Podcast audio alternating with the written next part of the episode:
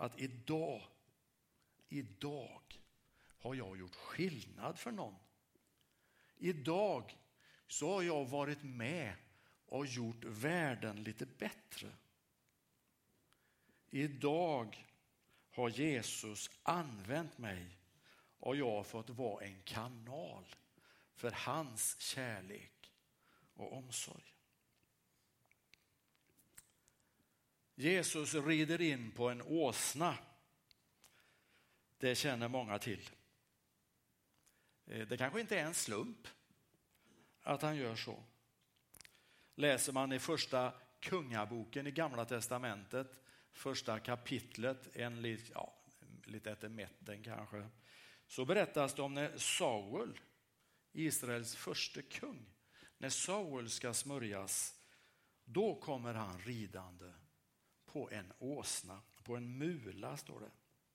Och det är ju fullt tänkbart att folket på plats runt Jesus känner liksom igen den här kopplingen när han rider på en åsna.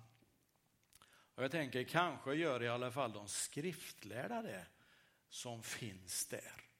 De gör den kopplingen och i så fall så gillar de nog inte vad de ser. I andra kungaboken 9, det blir historia lite idag, när eh, Jehu smörjs till kung så står det att alla tog av sina mantlar och bredde ut dem framför honom. Så det finns också en koppling. Så när Jesus rider in i Jerusalem så gör han det som en kung eller som en blivande kung. Med den skillnaden att det var inte toppskiktet i samhället som kantade vägen som det var i de här andra berättelserna från Gamla testamentet. De som fanns den här dagen var vanliga människor. De hade inte mycket annat att komma med än med sig själva. De kom med sina liv. De kom med glädjen över att få vara med. Och folket jublar läser vi i texten. De tänker att nu, nu är befrielsen nära. Och så ropar de välsignad är han som kommer, konungen i Herrens namn. Fred i himlen och ära i höjden. Men alla jublar inte. Alla är inte glada. För hans motståndare finns där. De som vi förstår när vi läser Nya testamentet, evangelierna, de som har gjort Jesus till sin huvudfiende. De finns där. Och de kräver att Jesus ska tysta folket. Tysta det jublet. Jesus svarar, jag säger er att om de tiger kommer stenarna att ropa. Så i den här texten som vi har hört läsas så möter vi den orutinerade och den oprövade. Vi möter experterna som tror sig ha svar på allt. Och så har vi hela folkmassan. De som dras med, de som blir nyfikna och som undrar vad ska hända nu? Vad innebär detta? Och jag tänker att det är en viktig fråga. Den där, vad innebär detta för oss? Fariseerna i texten, de skriftlärda som var experter på tron och hur det religiösa livet skulle levas, de hade för länge sedan dömt ut Jesus. De såg honom som en bedragare. Han motsvarade inte alls deras förväntningar. Gång på gång, trot eller ej, gång på gång så hade de ertappat honom med att utföra sina mirakel och under på sabbaten. Då ingen får arbeta. Hos fariseerna så förändras inget i mötet med Jesus. De hade gjort sina försök att testa Jesus. De ville få honom att döma människor skyldiga. Människor som mycket tydligt hade brutit mot lagens bud. Men det var som att han vägrade att döma människor. Alltså hur tänker han? Han visar värme och omsorg om de små och svaga, om de utsatta och utfrusna. Och så visar han gång på gång på olika sätt att det honom är alla välkomna.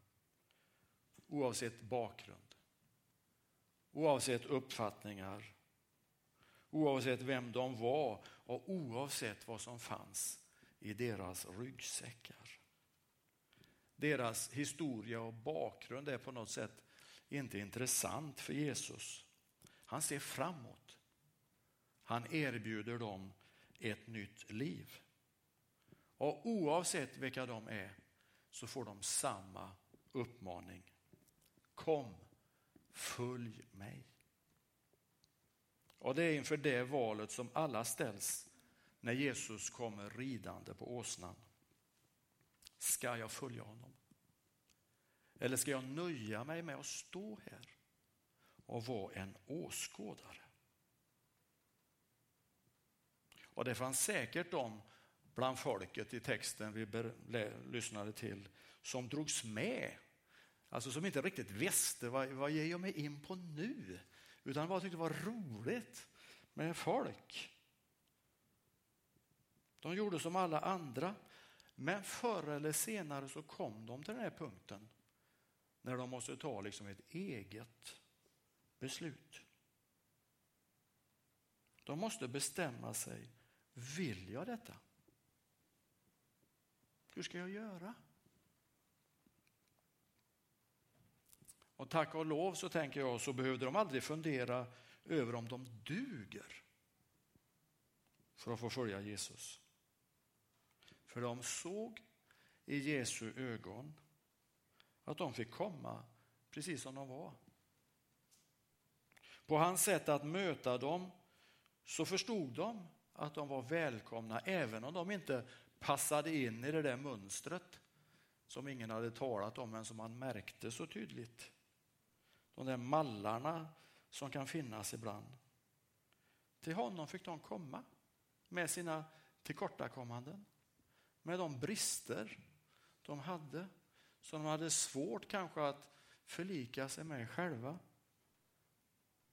Men för honom var det inga problem. Fariseerna tänkte helt annorlunda. För dem var det viktigt att alla liksom höll sig innanför ramen. Ingen får gå utanför ramen. Alla ska vara innanför. Och det fanns gott om regler. Det fanns mängder av förmaningar. Men Jesus, han har bara en uppmaning. Kom, följ mig. Och när Jesus efter sin uppståndelse möter Petrus vid Genesarets sjö, Johannes berättar om det i sitt evangelium i slutet, så får Petrus en enda fråga. Älskar du mig? Och den frågan är så central så Jesus ställer den tre gånger. Älskar du mig? Och jag tänker att det är den uppmaningen och den frågan som vi ställs för inför idag. Och som jag får fråga mig själv och du får fråga dig. Älskar jag dig Jesus? Om jag gör det, hur syns det i mitt liv? Hur märks det i mina möten med människor? Känner de att det är din kärlek som bor i mig? Den öppenhet du hade mot människor, är den påtaglig i mitt liv? Ditt medlidande med dem som har det svårt, går det att hitta hos mig också. Och den närhet du hade till din fader i himlen finns samma närhet hos mig.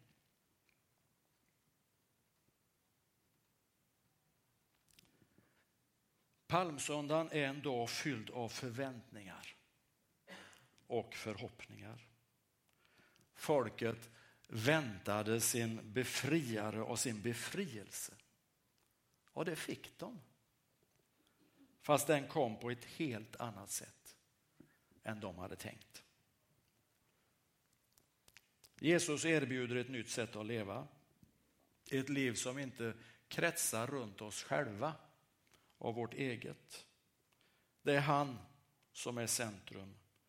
Det är hans liv som är riktmärket. Och när vi läser de här texterna så ser vi att han är trogen sin kallelse och sitt uppdrag. Vi ser också att det är med stor ångest och oro som han går framåt. Men han vet att det är för detta han har kommit. Det är för den här världens skull. Och han ber oss att följa honom. Han erbjuder inget lätt och enkelt liv. Men han erbjuder ett liv som gör skillnad. Som gör skillnad för andra. Kyrkan, församlingen, är hans kropp.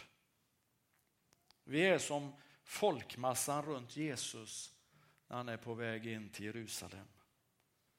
I gudstjänsten och på andra håll med för den delen så sjunger vi och jublar. Vi försöker ära honom så gott vi kan. Vi försöker förbereda vägen för honom på olika sätt. Men ibland glömmer vi bort oss och jobbar kanske mest på våra egna vägar. Men det är hans väg som han kallar oss till. Och vill sluta med att läsa några verser från Jesaja bok i Gamla testamentet kapitel 55, vers 8 och några verser framåt. Mina planer är inte era planer och era vägar inte mina vägar, säger Herren. Liksom himlen är högt över jorden så är mina vägar hög, högt över era vägar och mina planer högt över era planer. Liksom regn och snö faller från himlen och inte vänder tillbaka dit utan vattnar jorden får den att grönska och bära frukt och ger säd att så och bröd att äta. Så är det med ordet som kommer från min mun. Det vänder inte fruktlöst tillbaka utan gör det jag vill och utför mitt uppdrag. I glädje ska ni tåga ut och ledas hem i trygghet. När ni kommer brister berg och höjder ut i jubel. Markens alla träd klappar händer. Och istället för törne ska det växa cypresser, istället för nässlor myrten. Det ska vara ett äreminne åt Herren, ett evigt oförgängligt tecken. Låt oss be. Herre, vi tackar dig för att du kom till oss, till vår värld, till vår jord. Och vi tackar dig för det föredöme som vi läser om och ser. Och så ber vi, hjälp oss att våga ta steget. Att följa dig på ett sätt som gör att det märks. Hjälp oss i den debatt som finns om massa olika saker, olika åsikter. Hjälp oss att inspireras av dig. Att din kärlek får strömma igenom oss. Och hjälp oss att se de människor som finns runt oss som behöver vår hjälp. Och kanske ser vi någon som behöver någon annans hjälp, men då kanske vi kan hjälpa till med det. Låt oss vara reflektioner av dig. Låt den här församlingen få vara en plats där du syns, där du märks, där det känns på doften och atmosfären att du lever, att du finns. Hjälp oss att svara ja på kallelsen att följa dig, Herre. Och hjälp oss att älska dig på ett sätt så att det märks i våra liv, i vår vardag. Amen.